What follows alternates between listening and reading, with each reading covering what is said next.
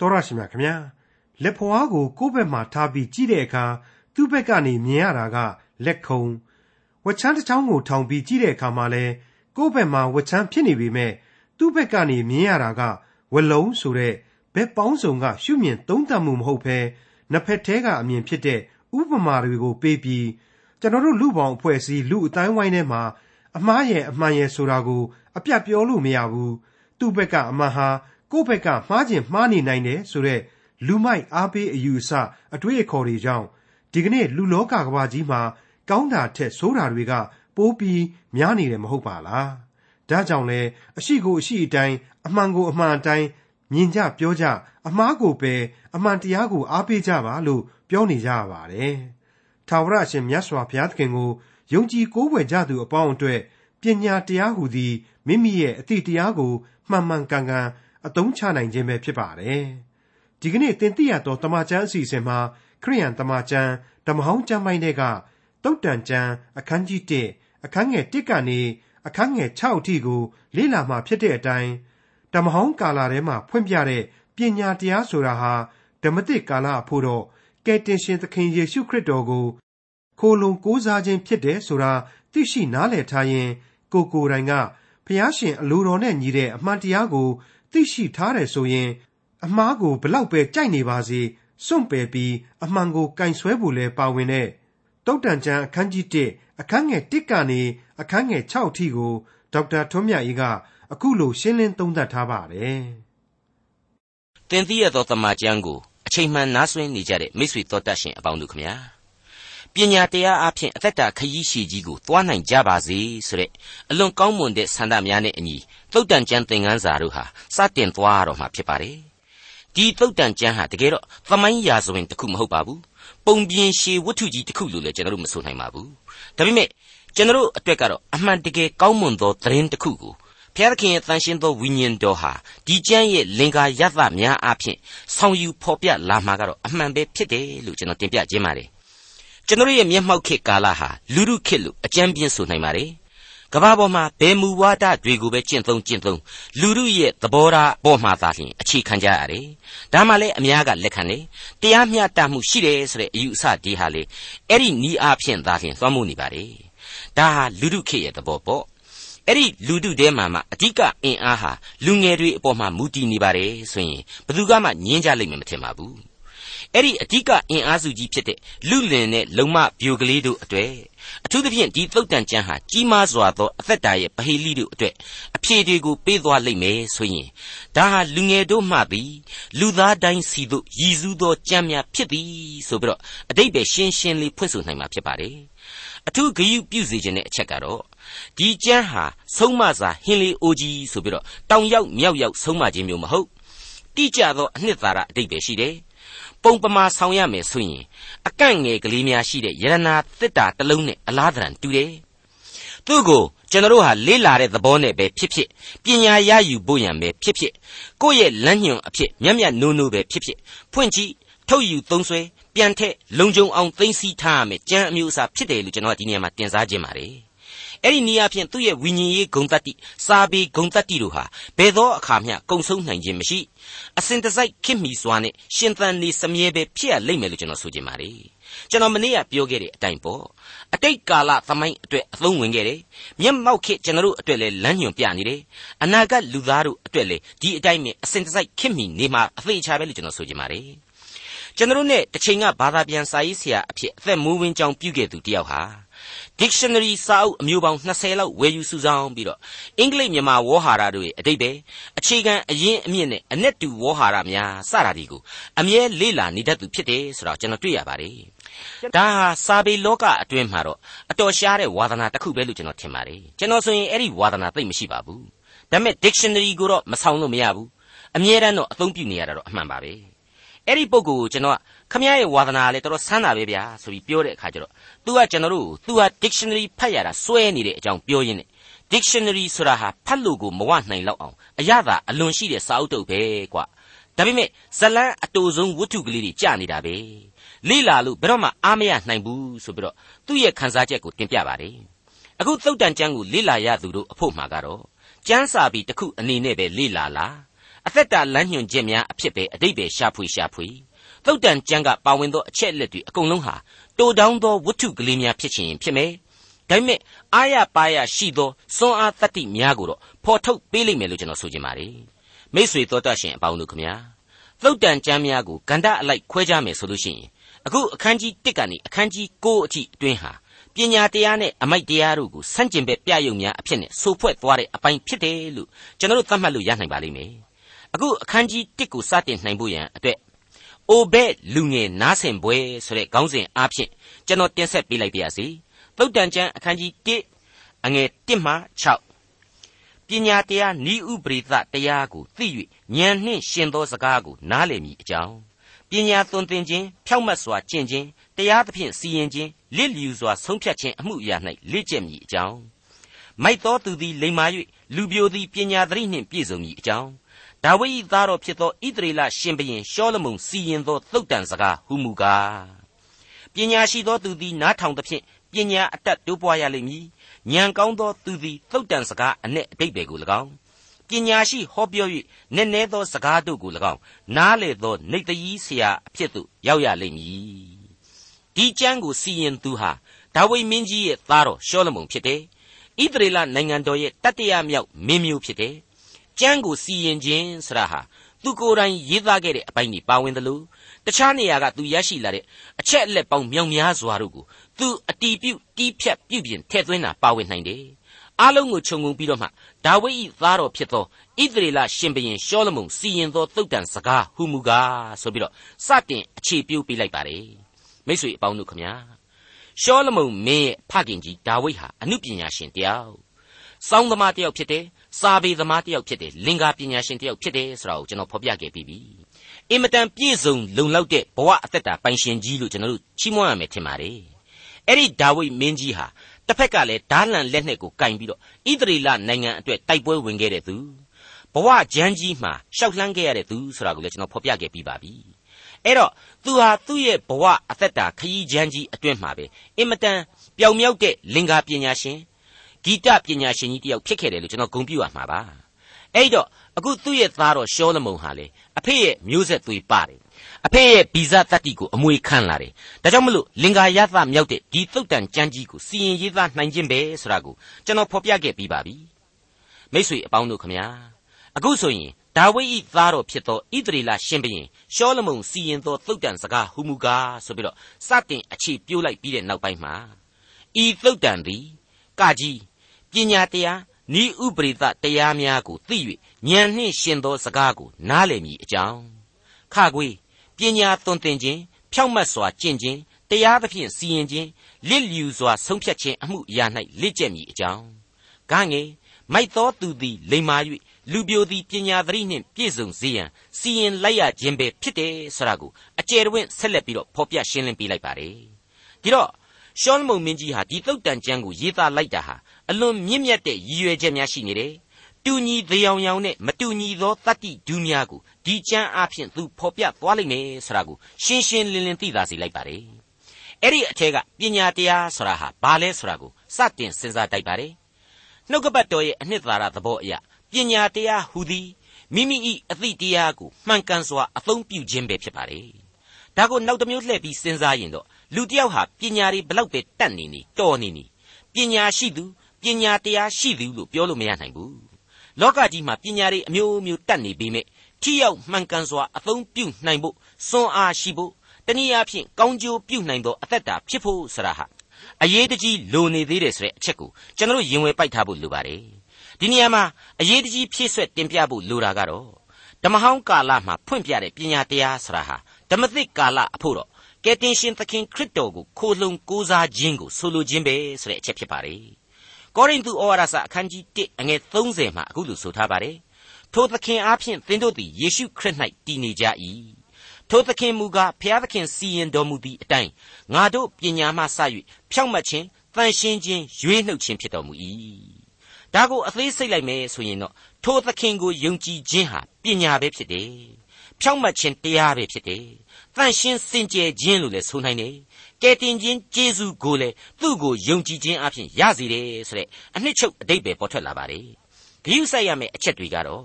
ပပညာတရားကိုကြံအရာတို့ရဲ့အရှိဆုံးမှာထားရှိခြင်းဖြစ်ပါတယ်ကြံတာတွေဖြစ်တဲ့ဖြောက်မှတ်ခြင်းတန်ရှင်းခြင်းကယ်တင်ခြင်းကျေးဇူးတော်ကိုခံရခြင်းတို့ကအရေးမကြီးလို့နောက်မှထားတာမဟုတ်ပါဘူးပညာတရားဖြစ်တဲ့ခရစ်တော်ကိုရရှိပြီယုံကြည်ခြင်းရှိပြီ သူနဲ့အတူရှိနေပြီဆိုရင်ကြံလိုအပ်ချက်တွေဟာဆင့်ကဲဆင့်ကဲပေါ်ထွက်လာရလိမ့်မယ်ဆိုတာကိုနားလည်စေပါ रे အဲ့ဒီကြံတဲ့လိုအပ်ချက်တွေဟာကယ်တင်ရှင်သခင်ခရစ်တော်ကိုရပြီဆိုရင်တဖြည်းဖြည်းချင်းဆင့်ကဲဆင့်ကဲတိဆောက်လာရလိမ့်မယ်ယင်ထဲမှာဖြစ်ပွားလာရလိမ့်မယ်ဒါကြောင့်မို့လို့လေတမန်တော်ကြီးရှင်ပေါလုကိုယ်တိုင်ဟာအခုလိုဆိုခဲ့ပါတယ်ဖိလိပ္ပိဩဝါဒစာအခန်းကြီး3အငယ်8မှ10ထိုမြမကငါဤသခင်ယေရှုခရစ်ကိုသိသောပညာသည်အဘယ်မျှလောက်မြတ်သည်ကိုထောက်၍ ခတ်သိမ်းသောအရာတို့ကိုရှုံးစေသောအရာကဲ့သို့ငါထင်မှတ်၏တဲ့မိတ်ဆွေအပေါင်းတို့ခမညာသုတ်တန်ကျမ်းထဲမှာပညာတရားသို့မဟုတ် wisdom ဆိုတဲ့ဝေါ်ဟာရများဟာ38ကြိမ်လောက်ပါဝင်နေပါတယ်ဒီအတွက်ကြောင့်အခြားသောအရာအပေါင်းတို့တဲ့ခရစ်တော်ဒီဟုသောပညာတရားကိုရအောင်ယူကြပါဆိုတာကိုသုတ်တန်ကျမ်းဟာ38ကြိမ်သတိပေးလိုက်တယ်လို့ခံယူလိုက်ကြပါစို့နောက်တစ်ခုကတော့ဤဥပရိသတရားပဲဖြစ်ပါတယ် အဲ့ဒီနီးဥပရိသနီးဥပရိသဆရာဟာလေသုတ်တန်ကျမ်းထဲမှာပဲအကြိမ်ပေါင်း26ကြိမ်ဖော်ပြထားပါတယ်။ဒါကြောင့်အလေးအနက်စဉ်းစားစရာလိုအပ်တဲ့ဝေါဟာရတစ်ခုလို့ကျွန်တော်ဆိုချင်ပါတယ်။အချို့သောနေရာတွေမှာနီးဥပရိသတရားဆိုတာကိုဘာနဲ့တင်စားတယ်လဲဆိုတော့ chasten လို့ခေါ်တဲ့စကားနဲ့အတိတ်ပဲနှွယ်ယူတင်စားထားတာကိုတွေ့နိုင်ပါတယ်။အဲ့ဒီ chasten ဆိုတာတခြားမဟုတ်ပါဘူး။ဆုံးမခြင်းပဲဖြစ်ပါတယ်။ He that spared his rod hated his son but he left him chasteneth him betime ဆိုပြီးတော့သုတ်တန်ကျမ်းအခန်းကြီး73အငယ်24မှာအင်္ဂလိပ်လိုတွေ့ရပါတယ်။တနည်းအားဖြင့်ဆုံးမသွန်သင်ခြင်းသည်ဤဥပရိသတို့ကိုခံယူစေရန်ဖြစ်သည်ဆိုတဲ့အ내ကိုဆောင်ပါတယ်။ဗမာလိုပြန်လိုက်မယ်ဆိုရင်တော့ကြိမ်လုံးကိုမသုံးသောသူသည်မိမိသားကိုမုံရရောက်၏။သားကိုချစ်သောသူဟုမူကားငယ်သောအရွယ်မှစပြီးဆုံးမတတ်၏ဆိုပြီးတော့အဲ့ဒီသုတ်တန်ကျမ်းအခန်းကြီး73အငယ်24မှာဆရာကြီးယူဒတန်ကဖော်ပြထားပါတယ်။ ဒါကိုအကျယ်အပြန့်သုံးမယ်ဆိုရင်တော့ဆုံးမခြင်းကြက်မှတ်ခြင်းလမ်းညွှန်ခြင်းစသည်ဖြင့်ဆွဲယူတွေးခေါ်နိုင်ပါတယ်အကုန်လုံးဟာသူတို့ကိုသုံးဆွဲတဲ့ကန္တအလျောက်အတိတ်ပဲအရာဤဥပရိသများကိုလိုက်လျှောက်စေခြင်းဆိုတဲ့တခုတည်းသောအဖြေကိုပဲပေးနေမှာဖြစ်ပါတယ်ဒါကိုတချို့သောမိဘတွေဟာစိတ်စိတ်မစင်စားဘဲနဲ့အယံဘာသာပြန်ပြီးတော့နင့်ကန်ရိုက်နှက်ဆုံးမတာတွေပြင်းပြင်းထန်ထန်အပြစ်ပေးတာတွေကိုကျွန်တော်တို့တွေ့ကြရပါတယ် အစရှိအနောင်နောင်ဆိုသလိုမိသားစုဟာတဖုံဖုံတိုင်းတိုင်းနဲ့ရိုက်နှက်တန်တွေနဲ့ငိုယိုတန်တွေနဲ့ပဲဖုံးလွှမ်းနေတာကိုစိတ်မချမ်းမသာဖြစ်ဖွယ်ကောင်းလောက်အောင်ကျွန်တော်ပတ်ဝန်းကျင်မှာမကြာခဏကြားရတတ်ပါတယ်အဲ့ဒီလိုရိုက်တိုင်းနှက်တိုင်းကောင်းလာသလားဆိုတော့လေကောင်းတယ်လို့ယတိပြက်အဖြေကိုမပေးနိုင်သေးပါဘူးအမှန်မှာကတော့သုတ်တန်ကျမ်းဟာချစ်ချင်းမေတ္တာရဲ့သဘောအပေါ်မှာသာအခြေခံထားပါတယ်စဉ်းစားကြည့်ပါအခုလိုကြိမ်လုံးသုံးရမယ်ဆိုတာရဲ့အထက်မှာဘယ်လိုဖော်ပြထားသေးတယ်လဲဆိုရင် မတရားသောအမှုကြောင့်ပျက်စီးခြင်းသို့ရောက်တတ်၏လို့ကြိုတင်ပြီးတော့တွေ့ရပါတယ်ဒီတော့ကိုယ့်ရဲ့သားသမီးကလေးတွေဟာမတရားမှုကိုကျူးလွန်မယ်ဆိုရင်ပျက်စီးဆုံးရှုံးကြရလိမ့်မယ်မဟုတ်ဘူးလားဒီတော့သူတို့လေးတွေကိုမဟုတ်တာလုပ်ရင်မဟတ်တာဖြစ်ရမယ်ဆိုတာကိုသင်ခန်းစာပေးဖို့အတွက်ကြိမ်လုံးကိုသုံးတဲ့အခါမှာသုံးရမယ်နှုတ်နဲ့ပဲ့ပြင်တဲ့အခါမှာပဲ့ပြင်ရမယ်စီကန်းနဲ့ထိမ့်သိမ့်ရမယ်ဆိုတာကိုသုတ်တန်ဆရာကသိသာစွာဖော်ပြလိုက်ခြင်းသာဖြစ်ပါတယ်ဒီတော့ မိဘဟာကိုသားသမီးကိုအမျက်ဒေါသနဲ့ကြိမ်လုံးသုံးဖို့မဟုတ်ဘူးကို့အမျက်ဒေါသရဲ့ထွက်ပေါက်အဖြစ်ကြိမ်လုံးကိုသုံးဖို့မဟုတ်ဘူးသူတို့လေးတွေရဲ့ဘဝကိုမတရားသောအမှုတွေနဲ့ကင်းဝေးစေရေးအတွက်သားလျင်ဆုံးမခြင်းဖြစ်ရလိမ့်မယ်လိုအပ်လို့ကြိမ်လုံးကိုသုံးရခြင်းဖြစ်ရလိမ့်မယ်လမ်းပြသွန်သင်ခြင်းပြုစုပြိုးထောင်ခြင်းတဲကတခုသောနီးစနစ်အဖြစ်မလွှဲမရှောင်သာသုံးဆွဲရခြင်းသာလျင်ဖြစ်ရပါလိမ့်မယ်မိတ်ဆွေတော်တတ်ရှင်အပေါင်းတို့ခမညာ အဲ့ဒါဟာဤဥပရိသတရားကိုသိစေခြင်းဆိုတဲ့အလွန်တရာလေးနက်တဲ့အတိတ်ပဲဖြစ်ပါတယ်ဒီအပိုင်းကိုရောက်လာတဲ့အခါကျတော့အခုကဘာတလွားကတရားစီရင်ရေးနေပယ်တွေမှာအေယာမရာဇဝတ်သားကြီးတွေရဲ့တရားစီရင်ရေးနဲ့သက်ဆိုင်လို့ဓမ္မရေးအမြင်ရှုထောင့်ကနေဝေဖန်စရာရှိတယ်လို့ကျွန်တော်ထင်ပါတယ်ပမာအားဖြင့်လူသက်ကောင်သွေးစာနေတဲ့လူရန်ကားကြီးတွေလိုဟာမျိုးတွေကိုလူအဖွဲ့အစည်းတစ်ခုလုံးရဲ့ကောင်းကျိုးအတွက် capital punishment လို့ခေါ်တဲ့အဆုံးစီရင်မှုဆိုတာဟာ ပေးလိုက်တဲ့အပြစ်ကိုပေးခြင်းဖြစ်တယ်လို့ကျွန်တော်တို့ခံယူပါတယ်။ဘုရားသခင်အလိုတော်ရှိတဲ့စီရင်ခြင်းလို့လေစံစာအရာကျွန်တော်တို့မြင်နိုင်ပါတယ်။အခုသားသမီးတို့ကိုဤဥပရိသတရားကိုသိစေခြင်းဆိုတာကြတော့အဲ့ဒီလိုအပြစ်စီရင်ခြင်းသဘောမသက်ရောက်တော့ဘူး။မေတ္တာနဲ့သာကျင့်သုံးရတဲ့တရားဖြစ်သွားပြီ။မေတ္တာအခြေခံအားဖြင့်သာပြုစုပြိုးထောင်ပေးရတော့ဤဗျူဟာဖြစ်သွားပြီဆိုတာထင်ရှားစွာပေါ်လွင်နေပါတယ်။ဒါကိုကိုကနီးမှန်လက်မှန်မကျင့်သုံးနိုင်ဘူး နှုတ်ကပတ်တော်ရဲ့အခြေခံသဘောကိုလည်းမပိုင်နိုင်ဘူးနှုတ်ကပတ်တော်ကိုနဘေးချိတ်လိုက်တဲ့အခါမျိုးကြတော့အကုန်လုံးကပောက်တိကပောက်ချာတွေကြပြောင်းကြပြန်တီဖြစ်ပြီးတော့လမ်းလွဲကုန်တယ်နှုတ်ကပတ်တော်နဲ့လက်တွေ့နဲ့လွဲကုန်တယ်လို့ကျွန်တော်ပြောချင်ပါတယ်အမှန်အပြစ်ပေးရမယ်လူကိုပြုပြင်တယ်ပြုပြင်ရမယ်လူကိုတော့အပြစ်ပေးတယ်ဆိုတဲ့လောကကြီးအတွင်းကကပောက်တိကပောက်ချလူနေမှုစနစ်မြင်ကွင်းတွေကိုကျွန်တော်တို့တွေ့နေရပါတယ်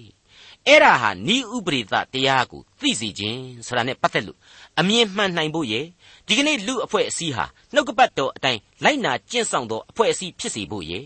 လိုအပ်နေတဲ့ထင်လို့ကျွန်တော်ကအကျယ်တဝင့်ဖော်ပြလိုက်ရခြင်းပဲဖြစ်ပါတယ်။ဉာဏ်နှင့်ရှင်သောစကားကိုနားလေစေဖို့ယံဆိုတာဟာပါလေ။ချက်ဆိုရင်ငကွက်ကမိတောက်ရမယ်ဆိုတဲ့သဘောမျိုးဆင့်တူပါတယ်။ပါးရည်နတ်ရည်ရှိရမယ်ဆိုတဲ့သဘောပေါ့။အဲ့ဒီလိုအရေးအချင်းမျိုးလူတိုင်းမှာရှိနိုင်ပါသလား။မရှိနိုင်ပါဘူး။ ကျွန်တော်ဆိုရင်လေတုံးတယ်ပဲပြောပြောချက်ဆိုရင်ငကွက်ကမီးမတောက်တဲ့အပြင်အတွေးတွေဟာမလိုဘဲနဲ့ခေါင်တတ်တယ်ချွတ်ချော်အားပြော့ဓာတ်လိရှိတယ်လို့ကျွန်တော်ဝန်ခံချင်ပါတယ်ဒါဟာ intelligence လို့ဆိုခြင်းလဲဆိုနိုင်မယ် discernment လို့ပြောရင်လည်းပြောလို့ရမယ်ထင်ပါတယ်ဒါပေမဲ့ကိုကအဲ့ဒီလောက်အထိညံမသွက်လို့ဆိုပြီးတော့အားမငယ်ရဘူးကို့မှာအနေအချင်းပဲဖြစ်ဖြစ်စဉ်းစားရတဲ့အရေးအသွေးတော့ပါစမြဲပဲဖြစ်တယ်စိတ်ထားကိုတန်တန်ရှင်းထားပြီးတော့အရာရာကိုနားလေစေဖို့ရန်အတွက်အားထုတ်ကြရလိမ့်မယ် အဲ့ဒီလိုအားထုတ်နိုင်ဖို့ရန်အတွက်လေအခုသုတ်တန်ကြံသင်ခန်းစာတွေဟာလမ်းပြသွားမယ်ဆိုတာကိုဖော်ပြလိုက်ပါတယ်။ကောင်းပြီ။ပညာတရားဤဥပရိသတရားကိုသိ၍ဉာဏ်နှင့်ရှင်သောစကားကိုနားလည်ဖို့ရန်အတွက်အထောက်အကူပြုမဲ့သုတ်တန်ကြံဟာနောက်ထပ်အကျိုးကျေးဇူးများကိုလည်းဆက်လက်ဖြစ်စေပါလိမ့်ဦးမယ်။အဲ့ဒါကတော့အပိုင်းခအနေနဲ့တွေ့ခဲ့ရပြီးဖြစ်တဲ့ပညာသွန်သင်ခြင်း ဖြောက်မတ်စွာကျင့်ခြင်းတရားသဖြင့်စီရင်ခြင်းလစ်လျူစွာဆုံးဖြတ်ခြင်းအမှုအရာ၌လေ့ကျက်စေဖို့ရန်လေဆက်လက်လမ်းပြသွားမယ်ဆိုတဲ့အချက်ပဲဖြစ်ပါတယ်အင်္ဂလိပ်လိုကတော့ to receive the instruction of wisdom justice and judgment and equity ဆိုပြီးတော့အင်္ဂလိပ်ကဖော်ပြထားပါတယ်အထက်ကရှင်းလင်းချက်တွေကိုစိတ်စိတ်ငန်းငါသဘောပေါက်ထားရင်အခုအပိုင်းတွေဟာတစ်ခုချင်းအသေးစိတ်ပြီးတော့ရှင်းစရာမလိုတော့ပါဘူးနားလေလွယ်သွားနိုင်ပါတယ်သဘောပေါက်ဖို့အတွက်ဘာမှမဝေးတော့ပါဘူး စကပြေအားဖြင့်ပြောရရင်တော့ပညာတရားဤလမ်းပြခြင်းကိုခံယူနိုင်ရန်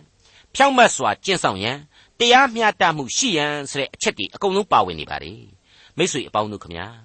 လောကကဘာကြီးထဲမှာအမှားနဲ့အမှန်ကိုယတိပြတ်ခွဲခြားလို့မရဘူးတစုံတစ်ယောက်အဖို့မှားနေတာဟာနောက်တစ်ယောက်အတွက်မှန်ကောင်းမှန်ခြင်းမှန်နေနိုင်တယ် ဒါကြောင့်မလို့အမှန်ရဲ့အမှားရဲ့ဟာအလျော့အတင်းလှုပ်ပြီးတော့တွေးဆယူရတယ်ဆုံးဖြတ်တဲ့နေဆိုပြီးတော့လူမှုရေးသိပ္ပံပညာရှင်အတော်များများဟာခံယူလျက်ရှိကြကြောင်းစာအုပ်စာပေတွေမှာတွေ့ရပါတယ်ဒီအယူအဆဟာလေလူအဖွဲ့အစည်းတွေမှာစိတ်ပြန့်ပြီးတော့အဲ့ဒီလိုကြီးကြီးကျယ်ကျယ်တွေးရခေါ်ရပြောရတာကိုကလေအရသာကြီးတစ်ခုလို့ဖြစ်လာတယ်လို့ကျွန်တော်ဆွဆွဲခြင်းပါတယ်ကျွန်တော်သင်သိရသောတမန်ကျန်အဖွဲ့ကတော့ကမ္ဘာလောကမှာဘုရားသခင်ကမှန်တယ်ဆိုတဲ့အရာဟာအမှန်ဘုရားသခင်ကမှားတယ်ဆိုတဲ့အရာဟာအမှား အဲ့ဒီလိုပဲတိကျပြတ်သားစွာခွဲခြားလိုက်ပါတယ်ပမာအားဖြင့်ဘုရားသခင်ကနေဖြစ်စေဆိုရင်အဲ့ဒါဟာနေပဲညဖြစ်စေဆိုရင်လေအဲ့ဒါဟာညပဲအလင်းတရားနဲ့အမှောင်ကိုသူဆုံးဖြတ်တယ်လို့အမှားနဲ့အမှန်ကိုလည်းသူပဲအရှင်းဆုံးခွဲခြားနိုင်ပါတယ်ခွဲခြားလဲပြထားပါတယ်အဲ့ဒီလိုဘုရားသခင်ရဲ့တိကျပြတ်သားတဲ့အဆုံးအဖြတ်အတိုင်းအမှားနဲ့အမှန်ကိုပိုင်းခြားပြီးတဲ့နောက်မှာတော့အမှန်ကိုလိုက်နာရန်ဆိုတဲ့တာဝန်ဟာဆက်လက်ပြီးတော့ပူးတွဲပေါ်ထွက်လာပါတယ် ဒါဟာအခုခအပိုင်းဖြစ်တဲ့ပညာသွန်သင်ခြင်းဖြောင့်မတ်စွာကျင့်ခြင်းတရားသဖြင့်စီရင်ခြင်းလစ်လျူစွာဆုံးဖြတ်ခြင်းအမှုအရာ၌လေ့ကျက်မိအကြောင်းဆိုတဲ့ဝက်ကြရှည်တစ်ခုလုံးရဲ့အနှစ်ချုပ်ပဲလို့ကျွန်တော်ဆိုလိုက်ပါရစေလစ်လျူစွာဆုံးဖြတ်တယ်ဆိုတာဟာသူများကိုကြည့်ဆုံးဖြတ်တာမဟုတ်ပါဘူးကိုယ်တိုင်ဟာဘုရားသခင်ကမှန်တယ်ဆိုတာကိုသိရင်ဘလောက်ပဲမှားတာကိုကြိုက်သည်ဖြစ်စေကြိုက်နေနေဘုရားသခင်ကမှန်တယ်ဆိုတဲ့အရာကိုပဲဇွတ်လက်ခံရမယ် ကိုကဘလောက်ပဲကြိုက်နေတဲ့မှားနေတဲ့အရာကိုပဲဖြစ်ဖြစ်ဇွတ်ညှင်းပယ်ဝင်ရမယ်အမှန်ကိုမျက်စိစုံမှိတ်ပြီးတော့ဘုရားသခင်ရဲ့အလိုတော်ကိုဝန်ခံပြီးလိုက်နာမယ်ဆိုတဲ့မယိမ့်ယိုင်ခြင်းကိုဆိုလိုတာဖြစ်ပါတယ်မိတ်ဆွေအပေါင်းတို့ခမညာအခုကျွန်တော်တို့လူအဖွဲ့အစည်းအတွင်းမှာစောစောပိုင်းကကျွန်တော်ပြောခဲ့တယ်လို့အမှားရဲ့အမှန်ရဲ့ဆိုတာဟာအပြတ်ပြောလို့မရဘူးသူ့ဘက်ကအမှန်ဟာကိုယ့်ဘက်ကမှားခြင်းမှားနေနိုင်တယ်ဆိုတဲ့လူမိုက်အားပေးအယူအဆအတွေးခေါ်တွေကြောင့်ပို့ပြီးတော့ရာဇဝတ်မှုတွေများပြားနေတယ်ထူပြောနေတယ် တရားစီရင်ခြင်းတွေဟာလေကြပြောင်းကြပြန်တွေဖြစ်နေစေတယ်လို့ကျွန်တော်ကတော့ဆွဆွဲခြင်းပါတယ်အဲ့ဒီနည်းအားဖြင့်လူအဖွဲ့အစည်းဟာဒီကနေ့ဒီအချိန်မှာထိမ့်မနိုင်သိမ့်မရတွေအကြီးအကျယ်ဖြစ်နေတယ်လို့လည်းကျွန်တော်တင်ပြခြင်းပါတယ်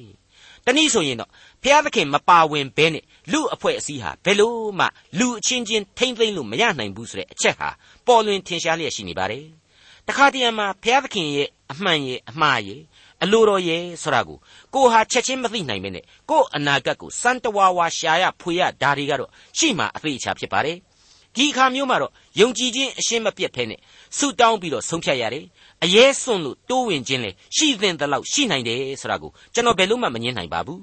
အဲ့ဒီလိုအခြေအနေမျိုးမှာတော့ကိုဟာဘုရားသခင်ကိုယုံကြည်ခြင်းစိတ်နဲ့မှုလို့မှားမိသည်ရှိတော်ကျေးဇူးတော်နဲ့အမှန်ကိုပြန်ရောက်လာလိမ့်မယ်အပြစ်ဒဏ်နဲ့ပင်လျင်ကင်းလွတ်နိုင်တယ် ဘာဖြစ်လို့လဲဆိုတော့ဘုရားသခင်ဟာလူသားရဲ့အပြင်ဘက်အမှားတဲ့နှလုံးသားအတွင်းကိုကြည်မြင်သုံးသပ်နိုင်တော်မူတဲ့အတွက်ကိုယ့်ရဲ့ယုံကြည်ကိုးစားခြင်းကိုသာမပြတ်ဖို့လိုအပ်နေတယ်ဆိုတာကျွန်တော်တင်ပြလိုက်ပါတယ်ယောမဩဝါဒစာအခန်းကြီး14အငယ်22 23တို့မှာအခုလိုမြင်နိုင်ပါတယ်သင်သည်ယုံခြင်းရှိလျင်ကိုယ်အလိုအလျောက်ဘုရားသခင်ရှိ၌ရှိစေလော့ကိုယ်လက်ခံသောအမှုမှာကိုယ်ကိုမစစ်ကြောမစီရင်သောသူသည်မင်္ဂလာရှိ၏ယုံမာသောသူသည်စားလျင် ယုံသောစိတ်မရှိဘဲစားသောကြောင့်အပြစ်စီရင်ခြင်းကိုခံရ၏ယုံသောစိတ်မရှိဘဲကျင့်သမျှသောအကျင့်တို့သည်အပြစ်ရှိကြ၏တနည်းအားဖြင့်ကတော့အစားအသောက်အနေအထိုင်အသွားအလာအပြုတ်မှုကလေးတွေအပေါ်မှာလူတစ်ယောက်အနေနဲ့မှန်တယ်ထင်ရကောင်းတယ်ထင်ရကလေးတွေကိုလူသဘာဝအလျောက်ကိုယ်အုံနောက်နဲ့ကိုယ်ရွေးချယ်ရတော့မှားကြရင်လည်းမှားမှာပေါ့ဒါပေမဲ့ကိုယ့်ကိုချစ်တဲ့ဘုရားသခင်အပေါ်မှာယုံကြည်ခြင်းဆိုတဲ့အချက်ဟာအရာရာအတွက်ဗราဏကြသောအခြေခံအချက်ကြီးလို့ရှိနေရမယ်ဆိုတဲ့အဆုံးအမပဲဖြစ်ပါလေ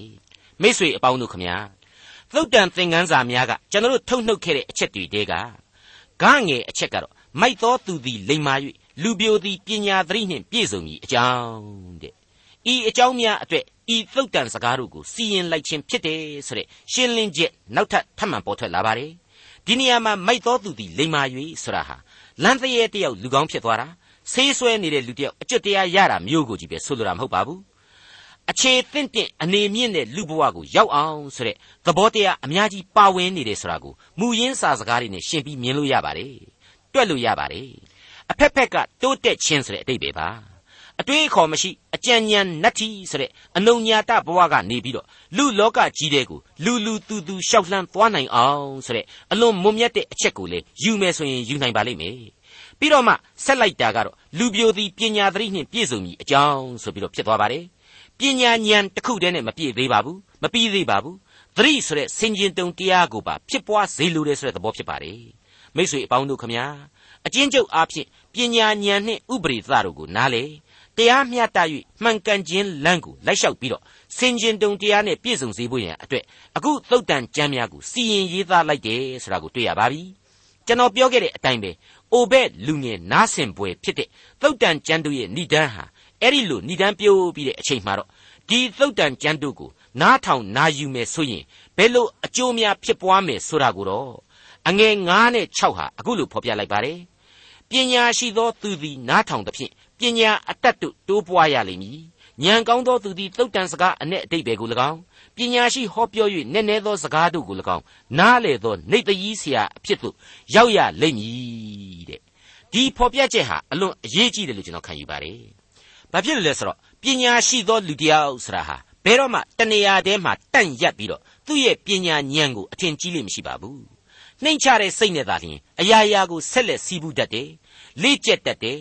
ဒီနည်းအားဖြင့်အစဉ်တစိုက်တိုးတက်နေရတယ်ဆိုတာကိုကျွန်တော်တို့တွေ့နေရလို့ဖြစ်ပါတယ်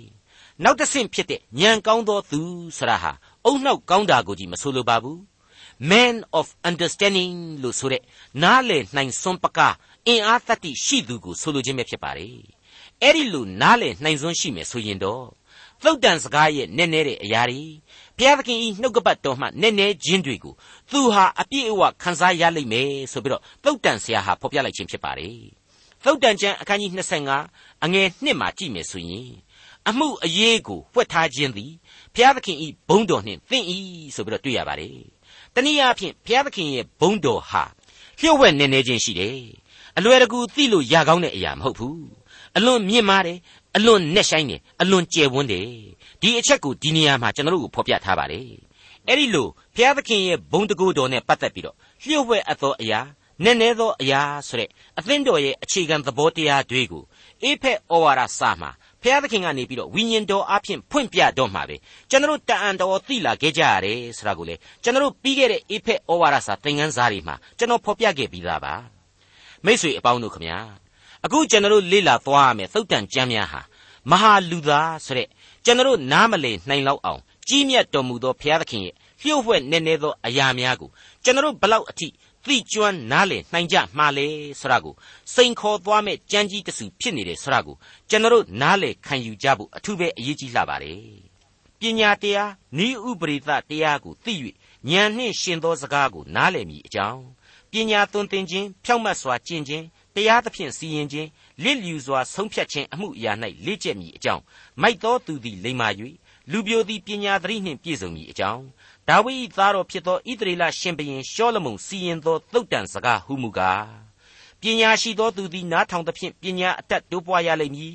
ဉာဏ်ကောင်းသောသူသည်သုတ်တန်စကားအ내အတိတ်ပဲကို၎င်း ပညာရှိဟောပြော၍နက်နဲသောစကားတို့ကို၎င်းနားလေသောနေသยีဆရာအဖြစ်သို့ရောက်ရလိမ့်မည်မိษွေများအားလုံးကိုဖျားသခင်အားသိကျွမ်းခြင်းပညာအပေါင်းနှင့်ပြည့်ဝနိုင်ကြပါစေလို့ကျွန်တော်ဆုတောင်းမေတ္တာပို့သရင်ဒီကနေ့အစီအစဉ်ကိုညီကုန်းချုပ်လိုက်ပါရစေဒေါက်တာထွန်းမြတ်ရေးစီစဉ်တင်ဆက်တဲ့တင်ပြရသောတမချန်းအစီအစဉ်ဖြစ်ပါတယ်နောက်တစ်ချိန်အစီအစဉ်မှာခရိယန်တမချန်းဓမ္မဟောင်းကျမ်းပိုင်းတွေက